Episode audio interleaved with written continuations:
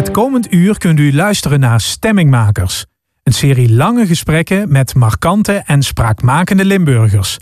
Vandaag met tandarts, wandelaar en Afrika-liefhebber Ben de Ponti. Een gesprek over lange wandelingen, de fascinatie voor ontdekkingsreiziger David Livingstone, bedevaarten naar de kapel in het zand en mijmeren over de schoonheid van Afrika. Luistert u naar Stemmingmakers met Ben de Ponti. Een programma van Frank Ruber.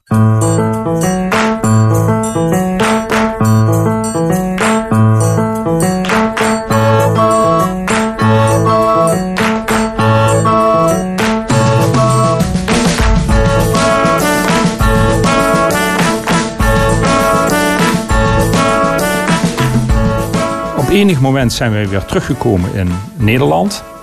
En toen eh, was er die enorme drang om terug te verkeren naar Afrika. We kregen drie kinderen. Eentje, onze oudste, geboren in Malawi. En op een enig moment bleek wel dat dat niet haalbaar was voor dit gezin. En toen zochten we eigenlijk een plek dat het meeste erop leek. En zo kwamen wij in IJs terecht. En later, nadat we twaalf jaar in het dal hadden gewoond, zijn we hier die heuvel opgeklommen. En zitten we nou in een soortgelijk uitzicht als waar we ooit in Malawi, Mzuzu, gewoond hebben. Want als je hier in de huiskamer zit, dan kijk je uit over dat Limburgse heuvellandschap. Over de toppen van de bomen zie je in de verte weiland, glooiing, daarachter weer bomen. Ik zie ook heggen. Hoezo Afrika? Hoezo Afrika? Omdat het, het gebied waar we woonden was ook glooiend. Weliswaar op uh, meer dan 1200 meter hoogte. Uh, maar waarom is het dan Afrika? Omdat dat is iets dat heb je meegenomen in, in je hoofd. En op heel veel plekken probeer ik dat weer of, terug te vinden. Proberen zegt ik, het gebeurt gewoon. Uh, het is een soort mind set, niet set het ontstaat gewoon als ik die verte inkijk, dat ik ook weer een beetje in Afrika ben. En dat is iets wat voor mij denk ik gewoon heel belangrijk is. Een deel van mijn leven. Dus als jij hier kijkt, dan zie jij niet alleen maar die bomen en die heggen, maar dan zie je eigenlijk ook Afrikanen daar in de verte lopen. Dan zie ik Afrikanen, dan zie ik dorpjes. Af en toe een dier. Dier is ook leuk in Afrika. Maar het meest mooie is natuurlijk toch de mens.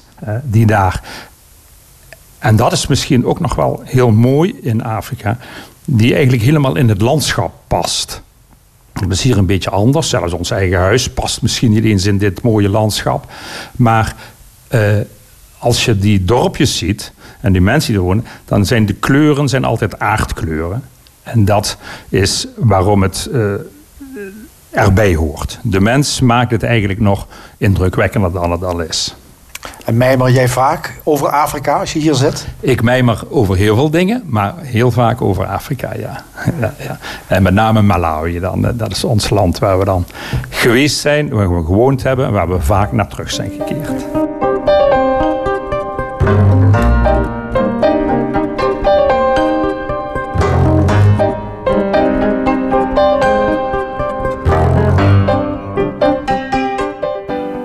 Ponti kan Afrika niet meer loslaten sinds hij in de jaren 70 als tandarts werkte in Malawi. Sinds zijn terugkeer naar Limburg probeert hij elk jaar terug te gaan naar Afrika. Hij maakte tochten door Tanzania, Zambia, Zimbabwe, Namibië en Botswana. En afgelopen jaar verscheen het boek Livingstone op de voet gevolgd. Een verslag van een drie maanden durende voettocht in de sporen van de grote Britse ontdekkingsreiziger David Livingstone. Ben de Ponti groeide op in Roermond, vlakbij een bekend bedevaartsoord. Ik ben geboren aan de kapel in zand. En ja, ik vind dat dus een heel speciaal plekje. Uh, ik kom uit een gezin van zes kinderen. Uh, ben de vierde, uh, de vierde daarin. En dan, dan denk ik eigenlijk, dan zweef je er een beetje tussenin. Maar het mooie is ook dat als je aan de kapel in zand geboren wordt... Dan, dan is, heb je al een klein voorrecht. Waarom? Want daar heerst een spiritualiteit door de kerk die er staat, het Kruiswegpark, waar de devotie altijd hoogtij heeft gevierd. En of je daar dan in die devotie helemaal mee kunt gaan, maar je wordt er toch op een of andere manier door gegrepen. Uh, Het heeft mij in ieder geval gegrepen. En, uh, en ik heb me daar altijd bijzonder prettig gevoeld. Het is een plek waar heel veel mensen naartoe komen om te bidden, om troost te vinden. Hm. Dus eigenlijk jullie buurt werd, denk zeker in die tijd, toen jij opgroeide, werd echt overspoeld door pelgrims, gelovigen. Elke zondag, elke zaterdag gingen we bussen tellen. Uh, met mijn broertjes of met mijn vriendjes. Hè. Uit een bos, kan ik me nog herinneren, kwamen er ik, misschien wel 30 of 40. En dan ging het zo, wie me de eerste zag, die is van mij. Ja, dat stelde natuurlijk verder niks voor, maar dat was ons spel. En dan gingen wij ja, dan, dan, dan werd je daar onherroepelijk door, door, door, door de, zeker door de missen, de heilige missen in het Kruiswegpark, die je natuurlijk door de hele buurt kon horen. Uh, de muziek die gemaakt, de, de, harmonie die vaak meekwam, het gezang dat opsteeg. Ja, eh, voor mij was dat iets moois om te ervaren, elke keer opnieuw. Het rijke Roomse leven, dat was voor jullie tastbaar, zichtbaar, hoorbaar elke zondag. Elke zondag. Ja, ik weet niet of de winter ook helemaal zoals, maar zo gauw als de lente eraan kwam, met de Mariamaand, mei geloof ik, ja, dan, nou, dan ging het los hoor. En dan, uh, en dan was het voor ons ja, eigenlijk ook een beetje feest. Hè. Ja, je, je, je, lacht, je glimlacht er ook bij. Je hebt, je hebt daar een mooie herinnering aan. Ik heb daar gewoon mooie herinneringen aan. Ik weet dat andere mensen daar anders tegenaan kijken. Uh, maar uh, voor mij is het een, een, een, ja, een hele fijne uh, ook, ook uh, uh, je voelde je heel beschermd. En misschien niet door dat geloof, maar in die, in, in, in die straat. Ik heb er zelfs een keer een gedicht over gemaakt. Parklaan, mooiste laan van Nederland. En de, daar voelde je je gewoon beschermd. je maakte deel uit van iets. En of dat nou alleen door, door de kerk kwam of door de school, dat weet ik niet. Maar uh, voor mij was het in ieder geval heel goed. Um, jouw vader werkte bij de LLTP? Uh, mijn, vader was, uh, nee, was van, mijn vader was secretaris van het land- en tuin- en huishoudonderwijs in Limburg. Hij zat in het grote gebouw in Roermond van de LLTB. En uh, ja, daar had hij zijn baan. En dat was een baan, ja, dat, dat ging door heel Limburg heen. Al die scholen die er toen nog onder dat bestuur vielen. Ja, dan was hij...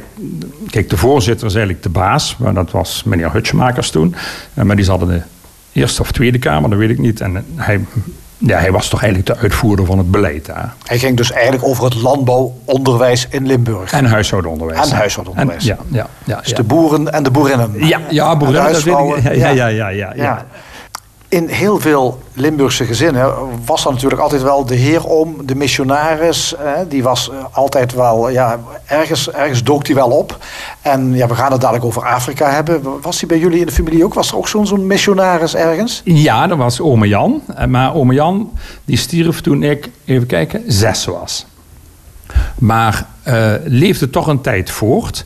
En ik heb hem, omdat hij de laatste vier, vijf jaar van zijn leven in Nederland moest uh, verblijven, omdat hij uh, zijn gezondheid niet meer toeliet om naar Afrika te gaan, uh, heb ik hem dus ook ontmoet.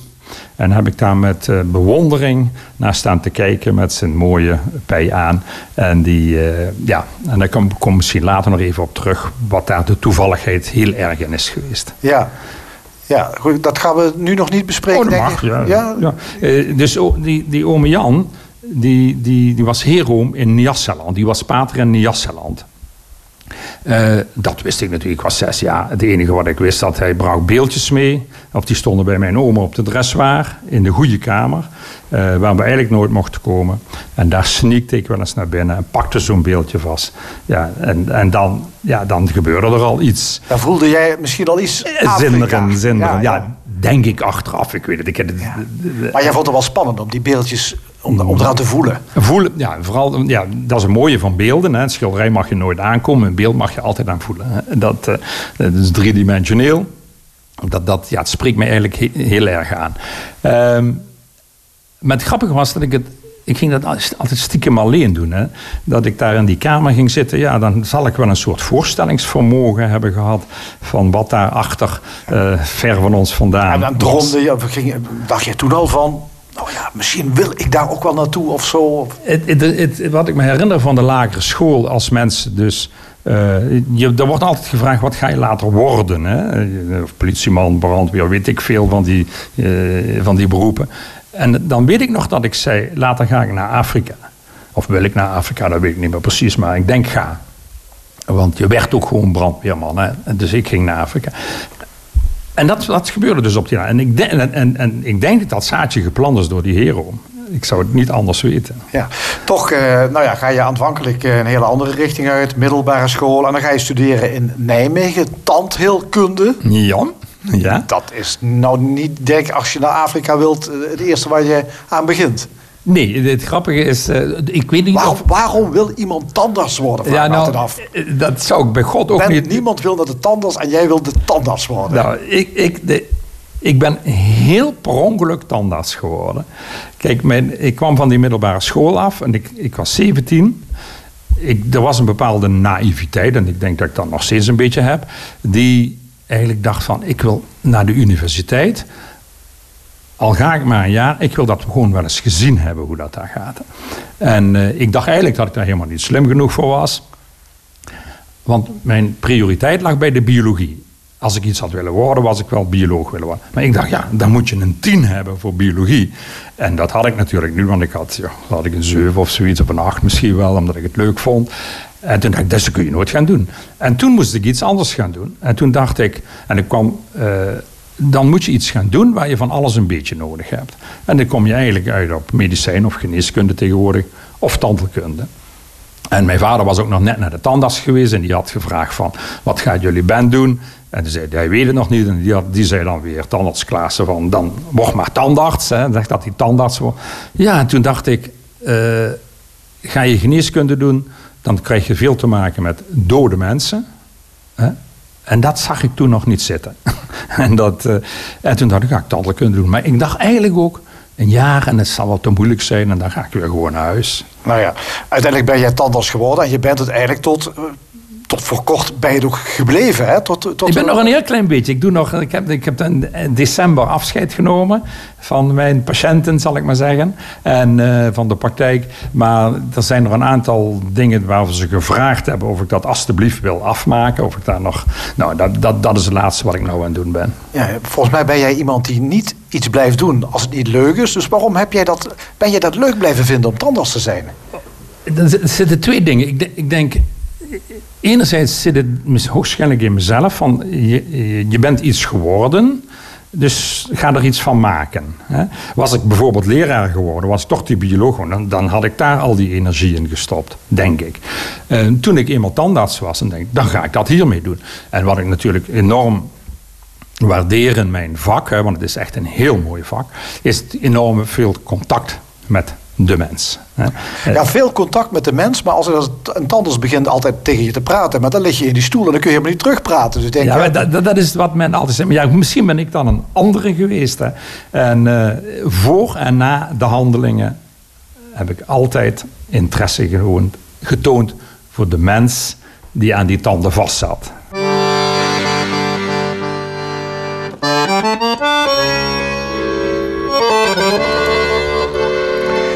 Na zijn studie tandheelkunde moet Ben de Ponti er niet aan denken om al meteen als tandarts in een praktijk aan de slag te gaan. Hij wil naar Afrika. Samen met nog drie andere jonge tandartsen komt hij terecht in Malawi. En in die tijd beland je dan al snel in een missiepost, samen met zijn vrouw Kobi. Ja, we, kwamen terecht dus in Mzuzu bij de Ierse nonnen. Daar was een bestaand ziekenhuis en er was een tandheelkundige unit. Daar stond apparatuur verouderd.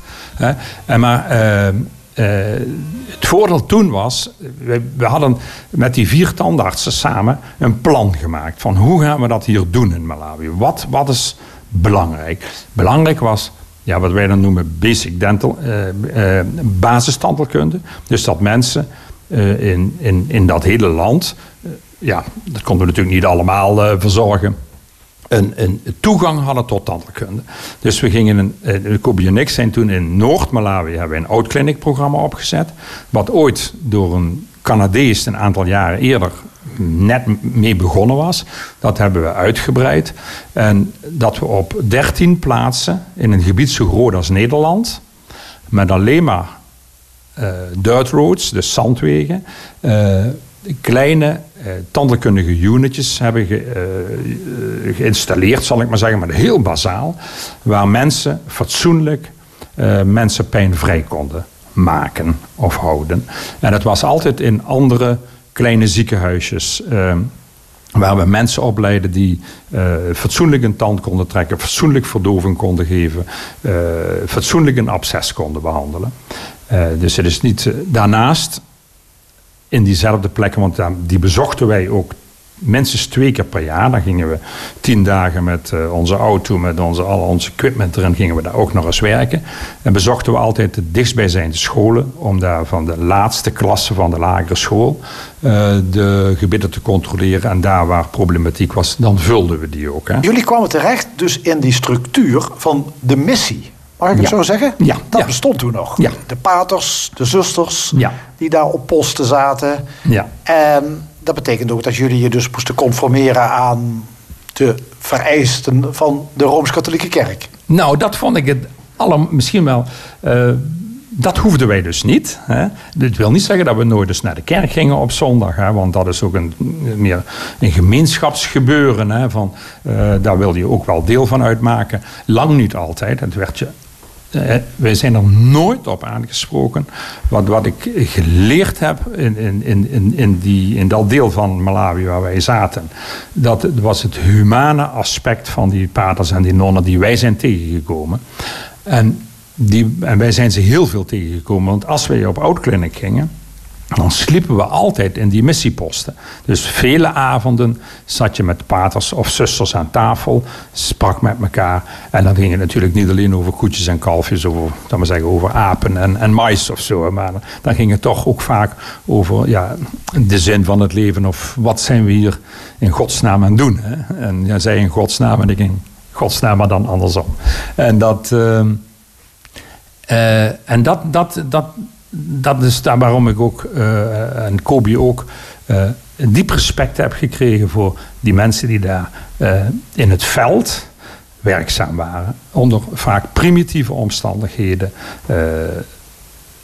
en dan, natuurlijk gingen ze ook wel zielen winnen, denk ik. Maar het was nog niet zo eens zo makkelijk om katholiek te worden. Daar moest je best je best voor doen in Afrika. Hier, wij, wij kregen zo'n beetje water over ons hoofd, maar wij waren katholiek. Maar als je Malawi katholiek wilde worden, dan, dan moest je een heel programma volgen, et cetera. Maar er was veel, veel humaniteit, heel veel social work wat daar gebeurde. Dus er werden programma's opgezet dat mensen elkaar helpten, konden helpen. Uh, en, en dat zat, sprak mij gewoon enorm aan. Ja, dat is een wereld, denk ik, die in, uh, in Afrika nu ook wel bijna verdwenen is. Hè? De, de witte missionaris of de ja. zuster. Dat was ook een wereld die connecties had met Limburg. Want in elk dorp, elke buurt was er wel een pater uh, bekend die in de missie zat. Ja. Hè? Dus daar werd ook weer ingezameld. Ja. Hè? Ik kan me de busjes zelf ook nog wel herinneren... die dan bij de slager stonden... waar je dan geld in kon duwen. En alle acties natuurlijk voor de missionarissen. Het is een, het is een wereld die verdwenen is... die jij nog, nog hebt meegemaakt. Ja. Hè? En, uh, en het grappige is dat, dat juist Malawi, met Zuid-Malawi... wij zaten in Noord-Malawi, daar zaten de witte paters. Maar in Zuid-Malawi zaten de Montfortanen hier uit Schimmert. En dus juist in Zuid-Limburg zijn er al wat, ook nu nog steeds groepjes... Uh, stichtingjes, stichtingen, die zich nog steeds bezighouden met Malawi. Ja, maar die kennis raakt natuurlijk dadelijk helemaal verloren. Hè? Is dat, is dat, vind, vind je niet jammer? We komen er misschien straks op dat ik een boek heb geschreven over mijn tocht door Afrika. Uh, en eigenlijk wil ik, zou ik, hoop ik dat ik ga beginnen aan een boek over onze drie jaar in Malawi. En dan wil ik eigenlijk die rol van die missie daarin betrekken. Maar dat zal nog wat studie vergen. En ik heb aanstaande zaterdag mijn eerste gesprek met een hele oude pater daarover.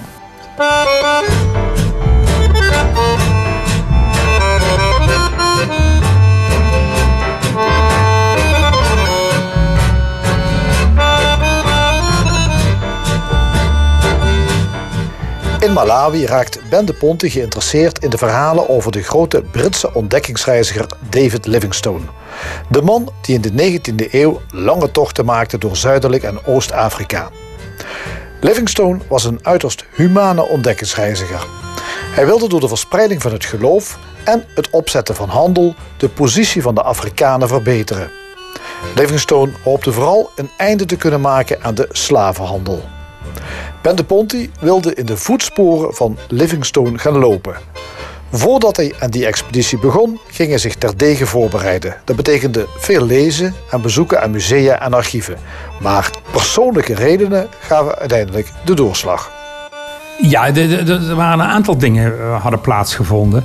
Uh, in, in, in, in 2000, ja, dat ga ik wel vertellen. Um, overleed mijn broer. En daar waren we twee en een half jaar. Maakte dat een heel goed deel van ons leven uit. Die laatste, zijn de laatste tweeënhalf jaar. En eigenlijk daarna, dan gebeurt er iets van, ja, ik moet iets doen. Dat was een trigger, denk ik. Daarbij kwam dat uh, we hadden al een stichting voor Malawi. Maar daarbij kwam dat Afrika alleen in het nieuws was. Dat ging alleen maar over aids, hongersnood, genocide en corruptie. Terwijl wij, omdat we vaak in, Malawi komen, heel veel hele prima mensen daar kennen. Maar het algemeen beeld was dat is een verloren continent eh, en het is allemaal fout daar. En toen kwam eigenlijk die meneer Livingstone weer helemaal opzetten. En toen ben ik daar weer over gaan lezen. En toen ik eigenlijk uh, in dat boek wat ik met kerstmis van, mijn, van Kobe heb gekregen. Uh, dat was de eerste druk van zijn laatste reis. Ik wist dat verhaal wel, maar ik ben het nog een keer gaan lezen. En uiteindelijk kom ik dan bij zijn dood in Chitambo's village in Zambia. En dan besluiten de mensen die nog bij hem zijn, hè, de Afrikanen die bij hem zijn, dat ze dat dode lichaam terugbrengen naar de kust. Naar Bagamoyo. Dat betekent dat in, in, Tanzania leg neer mijn hart. Uh, dat, want hij zou in, thuis in Engeland of in, Schotland, in, in ieder geval Groot-Brittannië, begraven moeten worden. En dat is een, eigenlijk een algemeen gebruik in Afrika, dat je, je door de banknomen begraven wordt in het dorp waar je geboren bent. Dus het, en ik zag dat als een groot respect voor die man. En dat er ook een groot wederzijds respect moet zijn geweest. Want anders dan ga je daar niet negen maanden met zo'n dood lichaam op je rug uh, sjouwen. Door allerlei moeilijke gebieden om hem daar te brengen. En toen dacht ik, nou moet ik er echt iets mee. Ik ga een, ja, een deel van zijn tocht nalopen. En dan ga ik op zoek naar positieve dingen. Naar positieve mensen. Om een weerslag te geven aan uh, uh, en, ja, tegendruk naar al dat negatieve uh, wat we in de media tot ons kregen. Ja. Uh, Livingstone's tochten die waren al extreem moeilijk in de tijd dat hij ze liep, in de 19e eeuw. Maar ik denk ook in de 21e eeuw. Wandelen door Afrika is niet vergelijkbaar met wandelen door Nederland. Uh, ja, dat, nee, dat is niet het Pieterpad. nee, nee. Er staan nergens bordjes welke kant je op moet. Uiteindelijk is het gewoon zo gegaan. Ik ben gegaan hè, en ik heb daar mijn dingen geregeld. We liepen elke dag met Christopher en ik, Christopher Bota, de, de Malawiaan, de loodgieter die ik tegenkwam in een, uh, in het, uh, klein hotelletje waar ik de eerste nacht sliep in Malawi. En ik vroeg hem, heb je, nadat ik een gesprekje met hem heb jij zin om mee te gaan? Nou, dat vond hij prima. En uh, dus die is drie maanden met me mee geweest. En die, het was varen over de rivier, het was lopen door de bush, door dorpjes. Door alles, ja. Uh, varen was ongeveer 200, 250 kilometer. Ik probeerde een Livingstone voeren, probeerde ik ook. Het lukte niet altijd, omdat je moet wel een boot hebben. En in zo'n uh, zo'n dugout, zo'n plaatselijke kano, als je tegen de rivier op moet, dat haal je niet. Uh, maar ja, 250 kilometer is me wel gelukt, denk ik. En, en gelopen heb ik ongeveer tussen de 1000 en de 1100 kilometer. Uh, het was niet de zwaarte van het lopen. Uh, waar die energie in ging zitten. Want dat, dat leer je heel gauw. En na, na, na 14 dagen dan doen die benen het wel. Hè. Het was eigenlijk het voortdurend bezig zijn, s'morgens, waar moet ik heen en hoe kom ik daar? Elk dorp vroeg ik een, moest ik van de chief, aan de chief vragen, kunt u mij iemand meegeven om me naar het volgende dorp te brengen, waar ik dan de richting die ik moest lopen, waar ik heen wilde. En ja, nou, dat staat allemaal in dat, mooie, in dat boek dat ik geschreven heb. Uh, en dat lukte dan eigenlijk meestal ook wel. Uh, dus we waren eigenlijk altijd met drie mensen. hè, op pad. En de laatste maand is Kobe dan ook nog meegelopen. En dan waren we met vier dus. Ehm, eh, en dan maak je alles mee onderweg. Je verdwaalt, je komt er niet meer uit, je, je loopt door de moerassen. Je, want terug is 15 kilometer om, door het is maar 2 kilometer of 3 kilometer. Uh, maar ik zal je heel eerlijk zeggen, dat is wat ik misschien ook wel wilde.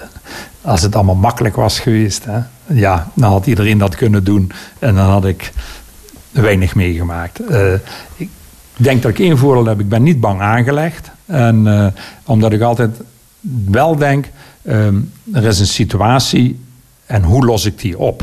En eigenlijk, dat deed Livingstone ook altijd. Want die, die, zijn tocht is natuurlijk duizend keer zwaarder geweest als, als die van mij. Hè. Ben jij in uh, echt moeilijke situaties verzeild geraakt?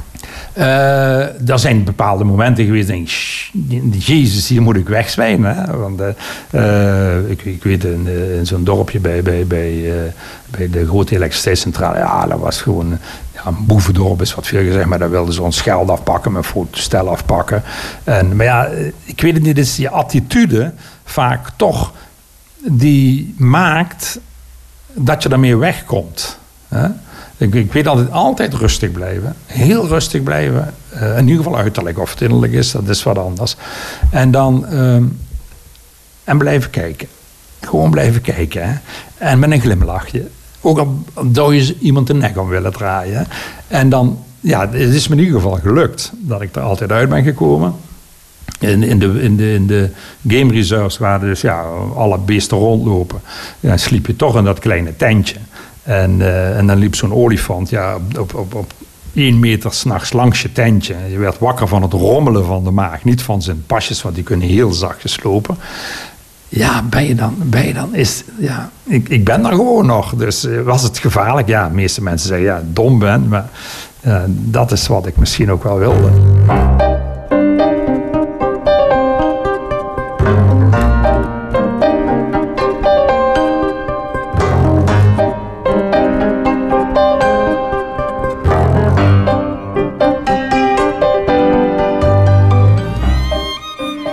Avontuurlijke tocht, drie maanden lang over rivieren en paden door Malawi. In de voetsporen van David Livingstone, die hier in de jaren 50, 60 en 70 van de 19e eeuw liep. In de 21e eeuw ontmoet Bente Ponti veel vriendelijke mensen langs de route. Toch kennen ze genoeg problemen en kunnen ze het hoofd maar nauwelijks boven water houden.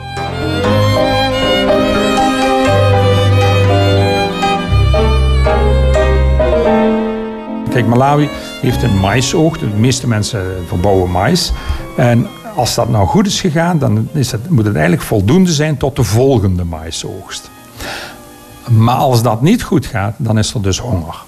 En uh, juist de, laatste uh, jaren komt het, en dat heeft ook weer met klimaatomstandigheden te maken, plus dat er heel veel, dat er op dit moment 18 of 19 miljoen mensen in Malawi wonen. En toen wij daar woonden 5 miljoen, dus alle stukjes grond zijn wat kleiner geworden. En uh, dat het elke dag een struggle for life is voor de, uh, de Malawianen op het platteland om te overleven. En dan heb ik het niet eens over dat als ze ziek worden, dat ze 25 kilometer naar een ziekenhuis moeten lopen, waar vaak geen medicijnen zijn. Dat, uh, dat er nog vaak drinkwater gehaald moet worden op een kilometer of twee kilometer afstand. Dat er scholen heel, ja, 100 kinderen in een klas, geen schriften, geen papier. Ja, dus heel veel omstandigheden die, die niet goed zijn. Dat weet je, maar daar ben je niet altijd van. Uh, van slag. Hè? Want dan, dan haal je het gewoon niet. En, en heel veel Malawianen die je ontmoet, die maken ook een, best een blije indruk. Als die dingen, als ze niet ziek zijn, als er geen kind ziek is en als er genoeg te eten is.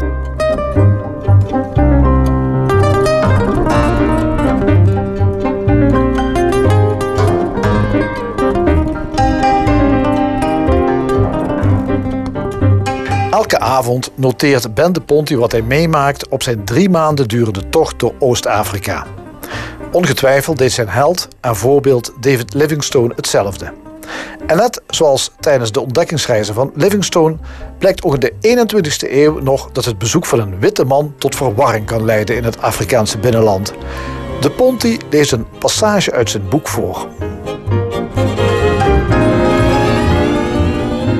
In het zand zitten een paar kinderen met opgedroogde snottenbellen om hun neus. Ze beginnen onmiddellijk te krijsen als ze me zien. De angst spat van hun gezicht. Snel schuifelen ze weg op hun blote billen en proberen zich achter elkaar te verbergen. Uit een van de hutten komt een vrouw. Verschrikt slaat ze haar hand voor haar mond en wil weer snel naar binnen gaan. Hussein redt de situatie. Hussein is de, de dagelijkse gids. Opnieuw legt hij uit waarom we daar zijn. In een kleipot kookt de vrouw Nika-knollen. De zwarte bollen zijn afkomstig van waterlelies en dienen als lekkernij bij het Sima. Ja, het was een, een ontmoeting daar uh, in, uh, in Afrika. Um, jij loopt die route en jij maakt een vergelijking. Uh, in de 21ste eeuw is Malawi en heel grote delen van Afrika zijn heel erg nog steeds getroffen door HIV, hè, door de HIV-epidemie. Ja. Um, jij vergelijkt dat met de tijd van Livingstone, toen die regio getroffen werd door slavenhandelaren. Ja.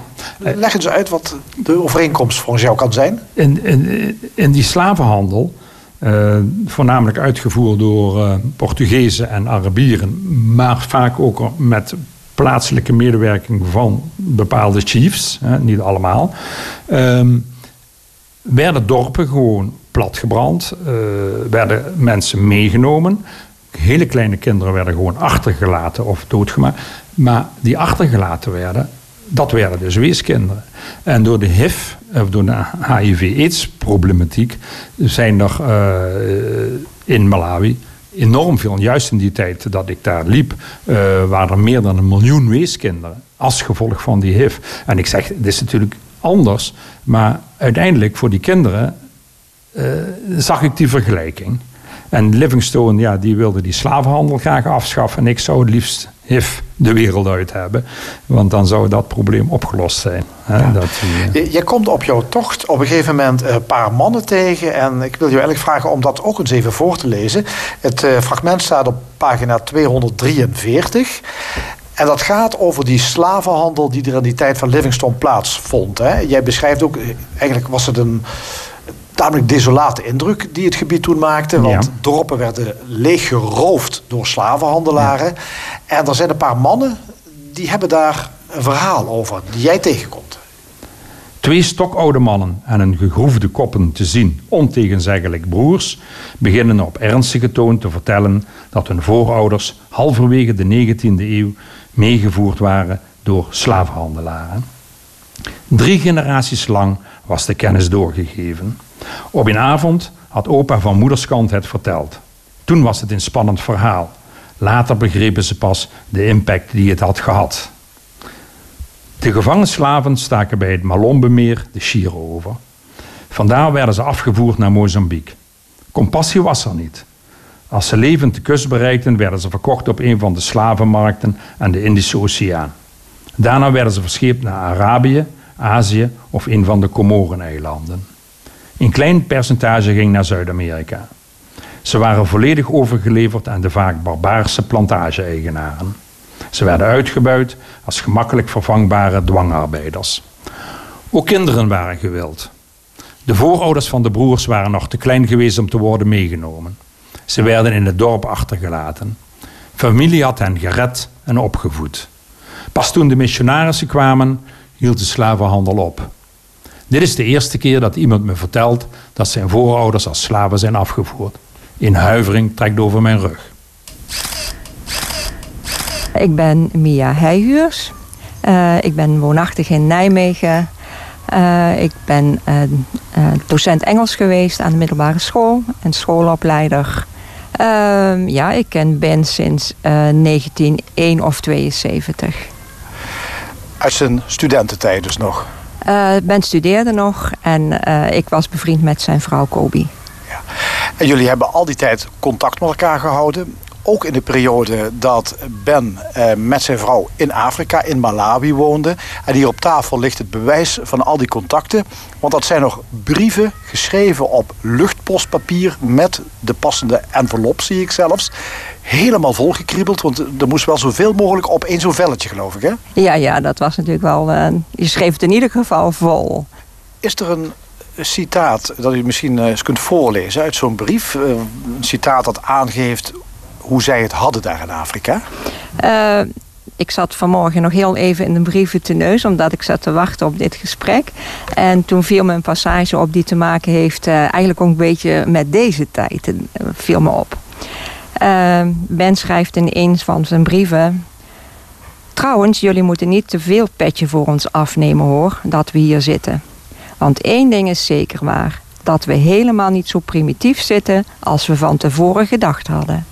Het huis is mooi, elektriciteit, stromend water goed en genoeg te eten. Weliswaar geen tv en dat soort dingen, maar er is geen moment geweest dat we dachten: konden we maar even tv kijken. Het valt allemaal reuze mee. En we vinden zelfs dat we hier eigenlijk veel fijner leven als in Nederland. Niet zo opgejaagd, rustiger, meer tijd voor van alles. Alleen de familie en natuurlijk onze beste vriendjes, die missen we wel eens. Dat is het citaat uit een zo'n brief. Het geeft aan dat ze dus eigenlijk wel heel gelukkig waren daar. Ja, dat waren ze zeker, denk ik. Ja. ja. Want jullie zijn er ook een keer op bezoek geweest? Wij zijn in 79 daar naartoe geweest. Ja. ja. En was, was Ben een andere man in Afrika dan in Nederland? Uh, nee, eigenlijk niet. Eh, ben is uh, altijd Ben, naar mijn idee. Uh, wel heel erg in zijn element. maar niet, niet echt veranderd. Nee. Is hij een idealist? Ik denk het wel. Ja, denk het wel. niet echt een wereldverbeteraar. Maar ja, ik denk hij ziet altijd, altijd positieve in mensen. is volgens mij iemand die uh, niet echt ja, wel problemen ziet, maar er ook wel oplossingen tegenover wil zetten. En u zegt het is niet echt een wereldverbeteraar. Daarmee bedoel, wat bedoelt u daarmee? Uh, nou, dat hij niet per se de hele wereld wil redden. Of uh, ik denk dat het bij hem ook, nou, dat hij wel goed wil doen naar de mens toe. het is iemand die heel respectvol, vind ik, met mensen omgaat. Makkelijk contact maakt met iedereen. Daar bewonder ik hem echt om hoe hij dat kan. En dat ik hem elke keer weer zie doen als ik erbij ben.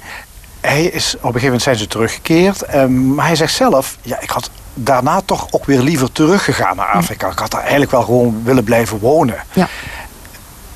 Um, dat heeft hij toch niet gedaan. Is dat iets wat, wat wringt bij hem misschien? Nee, dat denk ik niet, omdat hij dus heel vaak naar Afrika gaat. Uh, ik weet niet of hij jaarlijks is gegaan, maar heel, heel vaak. Dus vakanties zijn altijd Afrika-vakanties. Dus dan is het niet altijd Malawi, maar ook heel vaak. En die keren, ja, die zou ik niet kunnen tellen hoe vaak hij er geweest is. Maar heel, heel veel. Hij is niet gaan tobben over het feit dat hij hier is blijven wonen... en toch liever naar die andere plek zou zijn gegaan. Nee, nee. Ik hoor hem wel eens zeggen van... als ik ooit nog helemaal alleen zou zijn... wat ik hoop dat absoluut niet gebeurt... dan, dan ging hij helemaal in Afrika zitten. Ja. ja, maar hij is niet alleen. Nee, dat klopt, dat zegt hij. Hè? Zegt, uh, eigenlijk zegt hij dat Afrikaanse leven... dat past mij beter dan het Nederlandse. Herkent u dat? Uh, hij voelt zich daar wel heel erg in thuis. Maar of het hem beter past dan hier... omdat ik toch niet een heel andere ben zie. Het blijft toch de Ben die ik ken. Uh, hoe die daar met mensen omgaat, maar hier ook. Het zijn andere mensen, een andere cultuur. Uh, en daar kan hij heel makkelijk tussen switchen, dat wel. Ja. Hij, hij switcht. Hij zegt, hij blijft wel dezelfde Ben, maar als hij in Afrika is, dan switcht hij. Nou ja, ik, dat heeft denk ik te maken met hoe ik daarnaar kijk. Ik, voor mij is het heel spannend om in Afrika te zijn. En ik zie hem daar gewoon thuis. En uh, gewoon dezelfde Ben zijn. Terwijl ik een beetje op mijn hoede ben niet weet hoe ik uh, me verhoud tot de mensen daar. Uh, niet makkelijk zelf een gesprek durven aan te knopen. Erop af durven te stappen dat is, maakt denk ik het verschil. En Ben beweegt zich heel makkelijk daar in Malawi? Ja, ja. Ja? Ja, dat is echt fantastisch om te zien hoe die... Ja, hoe die als, als, uh, als je op reis bent en uh, nou, dan kom je natuurlijk wel dingen tegen, probleempjes. Of, hè. En Ben gaat heel rustig naartoe en die begint eens een gesprekje. En dat kan over van alles gaan. En uiteindelijk, door vriendelijk te zijn en een beetje aan te houden, krijgt hij precies wat hij hebben wil. Gaat het gewoon door wat we dachten dat niet zou kunnen.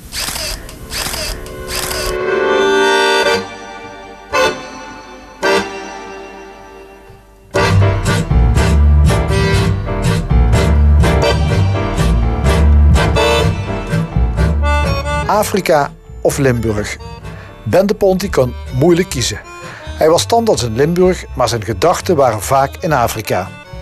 De jaren die hij daar woonde, hebben voorgoed iets veranderd in hem.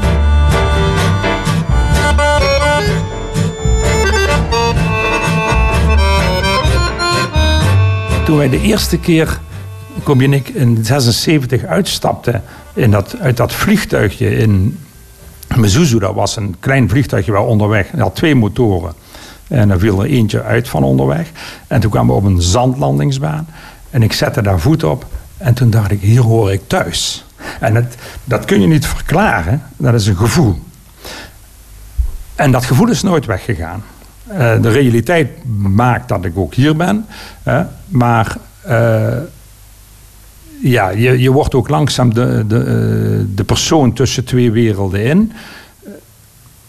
Maar ik zou er willen wonen omdat het, ja, een groot deel van mijn hart ligt ook daar. En dat, uh, dat is moeilijk te duiden. Het heeft te maken met enorme ruimte, uh, een natuur, met mensen waar je van houdt. maar die zijn hier natuurlijk ook allemaal. Het is. Um, en toch trekt het me. Ik, ik geloof niet in reïncarnatie, maar als het zou bestaan, dan ben ik daarvoor geweest. Ja, ja. nou ja, je doet toch goed werk. Hè? Je hebt een uh, stichting die daar een, een, uh, een, ziekenhuis onderhoudt, zou ik maar zeggen. Nou, nee, het is een school. Een school hè? Ja, ja, ja de, onze stichting, Stichting Vrienden van St. John's, we hebben.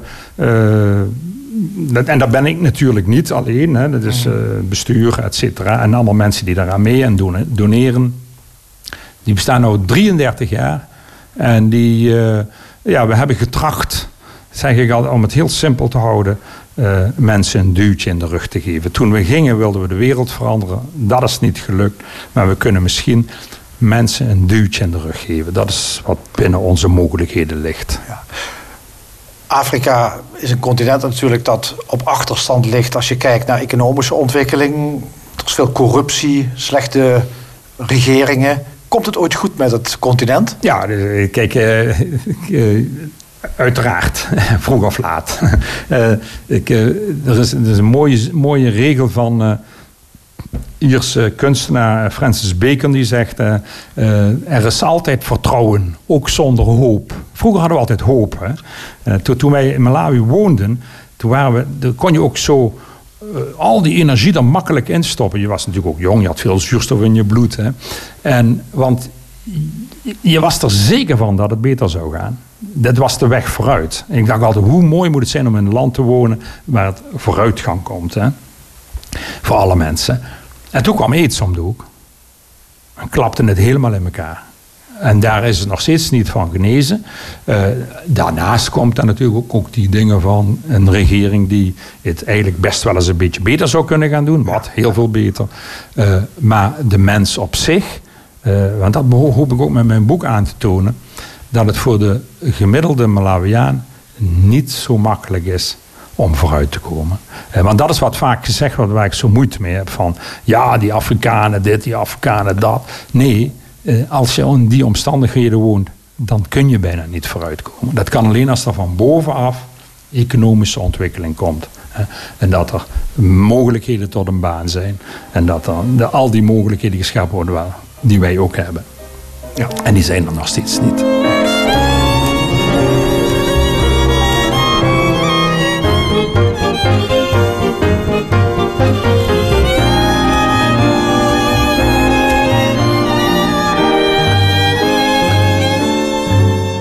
Ben, je hebt op verzoek van de redactie heb jij een uh, haiku gemaakt.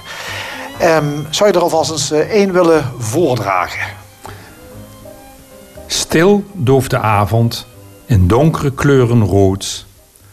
Oude vrouw stamt mais.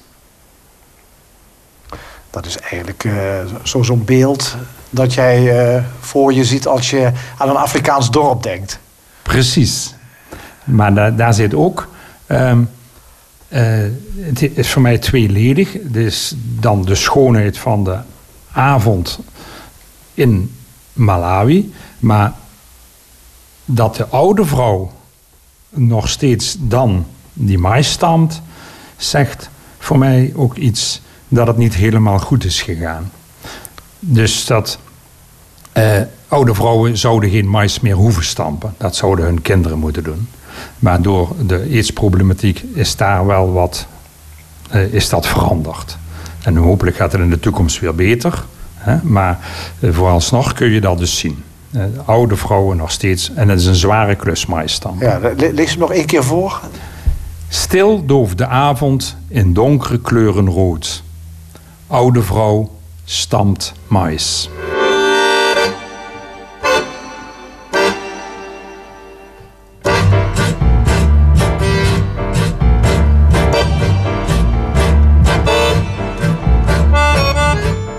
Wat heeft het jou opgeleverd, de, de voettocht? En uiteindelijk uh, heb je er lang over gedaan om er een boek over te schrijven. Het boek ligt er nu. Ja.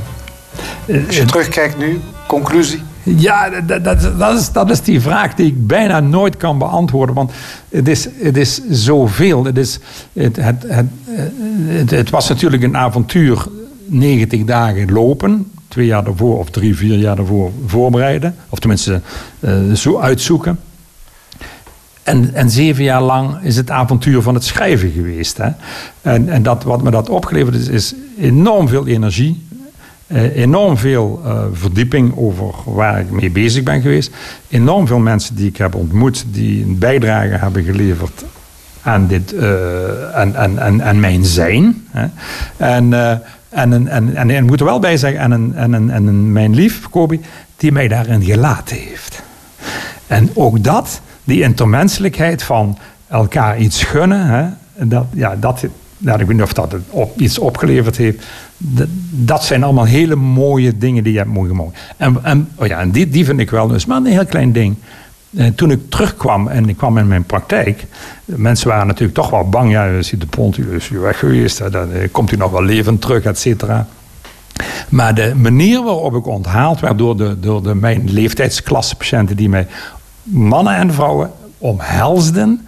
En in, de, in, in, de, in het fonkelen van hun ogen, toen zag ik, eh, je hebt even een vonkje kunnen doen overslaan. En je hebt inspireert mensen en heel veel mensen hebben mij geïnspireerd. Hè? En soms kun je een ander ook een beetje inspireren. En dat voelt best goed. Ook al is het maar heel even.